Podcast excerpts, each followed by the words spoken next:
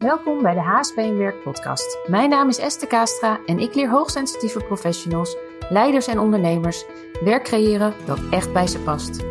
In deze podcast inspireer ik je graag over alles wat met hoogsensitiviteit en werk te maken heeft. Voor meer zingeving, uitdaging en energie.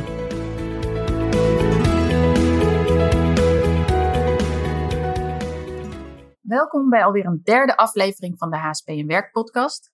En in deze podcast wil ik met jou terugblikken op het HSP-congres. En dat HSP-congres dat heeft 29 november plaatsgevonden voor het derde jaar op rij. En het was tevens de laatste keer. Volgend jaar gaan ze het niet weer organiseren. Omdat het doel was om hoogsensitiviteit meer bekend te maken in Nederland. Bekender te maken in Nederland. En dat doel is bereikt. Dus de volgende stap is om het meer naar de praktijk te brengen. En de ideeën die Martina daarover heeft, die uh, gaat ze nog delen. Dus ik ben heel erg benieuwd. Nou, ik vond het in ieder geval leuk uh, om weer deel te nemen aan dit HSP-congres als professional. Ik stond daar met een stand en um, daarnaast was ik onderdeel van het panel Werk en Persoonlijke Ontwikkeling, discussiepanel op het podium. En wat ik ook wel heel mooi vond, was dat ik voor het derde jaar op, op rij genomineerd was voor de titel HSP Professional in de categorie werk en persoonlijke ontwikkeling. Nee, werk en bedrijfsleven. Helaas heb ik niet gewonnen, maar om drie keer op rij uh, in, als finalist uh, gezien te worden, vind ik natuurlijk wel uh, super gaaf. En Saskia, jij van harte gefeliciteerd natuurlijk. In ieder geval, um, waar wil ik het met je over hebben vandaag? Nou, er zijn natuurlijk heel veel dingen besproken op het HSP-congres. Je kan moeilijk alles vertellen en ik ben ook niet overal bij geweest. Maar ik wil je wel even een paar kernpunten laten horen die heel erg belangrijk zijn in relatie tot hoogsensitiviteit en werk. En daarnaast wil ik graag de vragen met je doornemen die behandeld werden op het podium tijdens de paneldiscussie in de middag. Nou, ik wil eerst even beginnen met cijfers over burn-out en hoogsensitiviteit. Nou, gemiddeld krijgt 15% van de bevolking, of tenminste van de werkende bevolking, een burn-out of heeft een burn-out. En 20% van de bevolking is hoogsensitief, zowel mannen als vrouwen. En uit onderzoek door Esther Bergsma onder um, zeker 15, 1500 uh, hoogsensitieve personen in Nederland is gebleken dat zeker 57% een burn-out heeft of heeft gehad. Nou, en als je dat allemaal gaat omrekenen, dan is het zo dat drie op de vier mensen met een burn-out hoogsensitief is. Nou ja, dat vind ik wel echt heel, heel um, tekenend voor een burn-out. En mij verbaast het niet, maar dat geeft voor mij eigenlijk alleen maar veel meer bevestiging dat hier veel meer aandacht voor moet zijn voor de HSP'er op de werkvloer. En niet dat ze speciaal behandeld moeten worden, maar wel dat ze, of tenminste met zijde handschoentjes, maar wel dat er aandacht voor moet zijn dat ze op een andere manier functioneren. En wil je de het beste uit ze halen, dat ze je ja, ze echt serieus moet gaan nemen of moet nemen. Nou, dat is een belangrijk iets. Daarnaast is het belangrijk om te weten dat er drie items zeer belangrijk zijn voor de HSP op de werkvloer. En de allerbelangrijkste is sfeer. Sfeer is echt een van de belangrijkste dingen waar, HSP'er, waar de HSP zeg maar last van heeft. En dat gaat echt onder je huid zitten. Je hebt er last van. Je voelt dat wat er onder water speelt, maar mag er niks over zeggen. Dus de sfeer is super belangrijk. Vooral de mensen die zorgen voor de juiste sfeer. Maar ook de cultuur in het bedrijf. Maar ja, de cultuur wordt ook weer veroorzaakt door de mensen, maar ook door de branche. Dus ja, bij welke sfeer voel jij je goed? Wat is voor jou belangrijk? En in hoeverre is de sfeer nu goed? Welk cijfer geef je dat? En welk cijfer zou je willen dat het is? De sfeer is super belangrijk. Daarnaast betekenisvol werk, oftewel zingeving. En zingeving ja, dat is eigenlijk waar ik vooral mee bezig ben met de mensen waar ik mee werk, om meer zingeving in hun werk uh, te realiseren. En dat is ook iets waar je zelf de regie in moet nemen, want een ander gaat het niet voor je doen. Maar wat is zingeving voor jou? En welke stappen kan je zetten om meer zingeving in je werk te krijgen? Je kan kijken van, nou, waar draag ik aan bij met het werk dat ik doe? Welk uh, onderdeel ben ik van het grote geheel? En misschien kan je op die manier meer zingeving ervaren.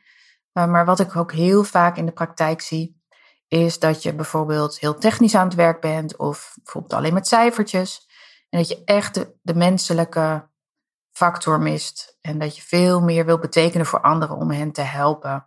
In hun ontwikkeling bijvoorbeeld, of vooruit te brengen, of op wat voor manier dan ook. Dat de mensen missen in het proces.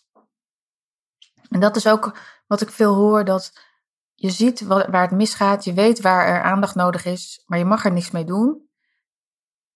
Maar je ziet het al allemaal. En als je er dan niks mee kan en mag doen, ja, dat frustreert natuurlijk enorm. Nou, een derde punt is vrije tijd. En dan kreeg ik de laatste vraag, de vraag, is dat dan vrije tijd in het zijn, in het hebben van vrije tijd? of is dat vrije tijd in de zin van vrije tijd tijdens je werk? Nou, ik denk beide. En waarom? Omdat je vrije tijd nodig hebt om alles te verwerken wat er bij je is binnengekomen. En dat is vrije tijd tijdens je werk, maar ook vrije tijd voor jezelf om weer even helemaal met wat anders bezig te zijn. Even uit het hoofd, even landen in je lijf, want we zijn zo snel geneigd om in ons hoofd te blijven. En om continu maar door te gaan, om heel veel signalen te negeren. Maar het is heel belangrijk om, nou ja, om stukken vrij te hebben. En ben jij nou die sensatiezoekender HSP, dan is het nog moeilijker om echt die vrije tijd met discipline in te bouwen. Dus zorg goed voor jezelf, zorg dat je veel vrije tijd hebt. Heb je dat nu niet in je werk? Ga kijken hoe je meer vrije tijd, oftewel verwerkingstijd, kan inbouwen. Nou, dat even over um, belangrijke punten die naar voren kwam, kwamen tijdens het HSP-congres. En wil ik graag een paar vragen met je behandelen. En die vragen die werden gesteld vooraf, die konden mensen indienen.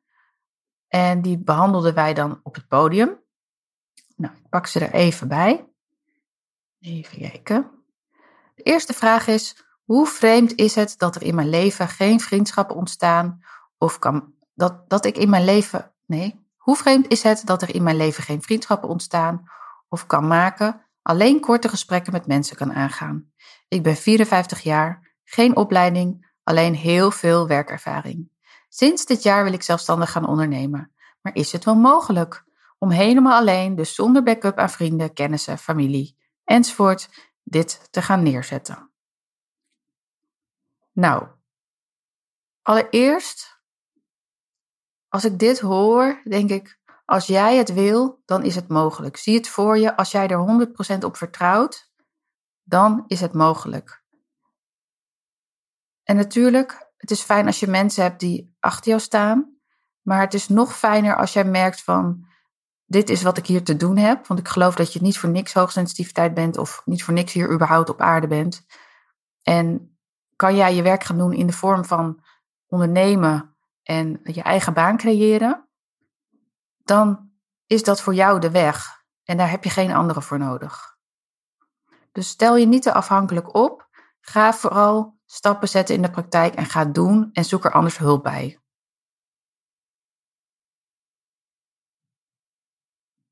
Dus dat is even de eerste vraag die ik wil behandelen. En dan heb ik de tweede vraag. Ik merk dat mensen je gaan mijden of voorzichtiger gaan uiten of gedragen tegenover je, omdat je heel gevoelig op dingen reageert. Hoe is dit om te buigen of hoe daarmee om te gaan? Want vermijding is niet de wens en ook niet dat mensen je als een last gaan ervaren. Ja, hierbij denk ik echt van kom op, als mensen jou gaan mijden, stop dan geen energie meer in die mensen. Ga je eigen leven leven. Ga doen wat er voor jou, wat er bij jou past. En je kan anderen niet veranderen. Het is alleen wel zo dat als jij meer vanuit je sensitiviteit gaat leven, dat je soms afscheid moet nemen van mensen die daar niet meer, niet meer bij passen. Dat heb ik zelf ook ervaren. Toen ik in een uh, gigantische burn-out zat, toen ben ik heel veel vriendschappen kwijtgeraakt. Eigenlijk omdat ik toen pas ging zeggen wat ik echt wilde. Dat ik toen pas ging zeggen van nee, dit doe ik niet, dat doe ik niet. Of ik blijf thuis, dat soort dingen. Ja, en er zijn mensen die gaan daarin mee. En anderen die um, hebben andere vriendschappen nodig waar jij niet meer bij past. Maar ja, dan kost het je ook meer energie dan het je oplevert. Dus daarin moet je heel erg keuzes gaan maken. Oké, en dan pak ik er nog één. Ehm, vaak wordt er over HSP gesproken vanuit een HSP-rustzoekende houding, waarin de wereld je overkomt. Ik geloof in een wereld waarin ik zelf de regie kan pakken, zelf mijn eigen meerwaarde kan neerzetten. Maar ik weet eigenlijk niet hoe. Hoe dan? Nou ja, super dat je daarin gelooft en dat je, ehm, nou ja, ik geloof daar ook heel erg in. De wereld overkomt je niet. Ja, misschien heel lang is het je overkomen en heb je in alle bochten gevrongen om anderen maar tevreden te stellen. Maar op een gegeven moment is het klaar en dan ga je naar je werkende leven, deel 2, zeg ik altijd. En dan overkomt het je niet meer. Dan kies je ervoor om zelf de regie te pakken. En hoe dan? En hoe is eigenlijk niet de vraag die nu nodig is. Is de hoe komt pas als laatst. Begin eerst bij wie ben ik dan, inclusief mijn hoogsensitiviteit. En wie ben ik naast mijn hoogsensitiviteit? Want je hoogsensitiviteit is niet alleen wie jij bent, je bent nog veel meer. En hoe wil je je voelen dan? En wat is daarvoor nodig? En wie ben je nu en wie wil je zijn? En welke keuzes kan je maken vanuit jouw versie uh, eh, 10.0 eigenlijk? Vaak nemen we de beslissingen en keuzes vanuit angst. Maar wie wil je zijn? Hoe zie je jezelf over vijf jaar, over tien jaar?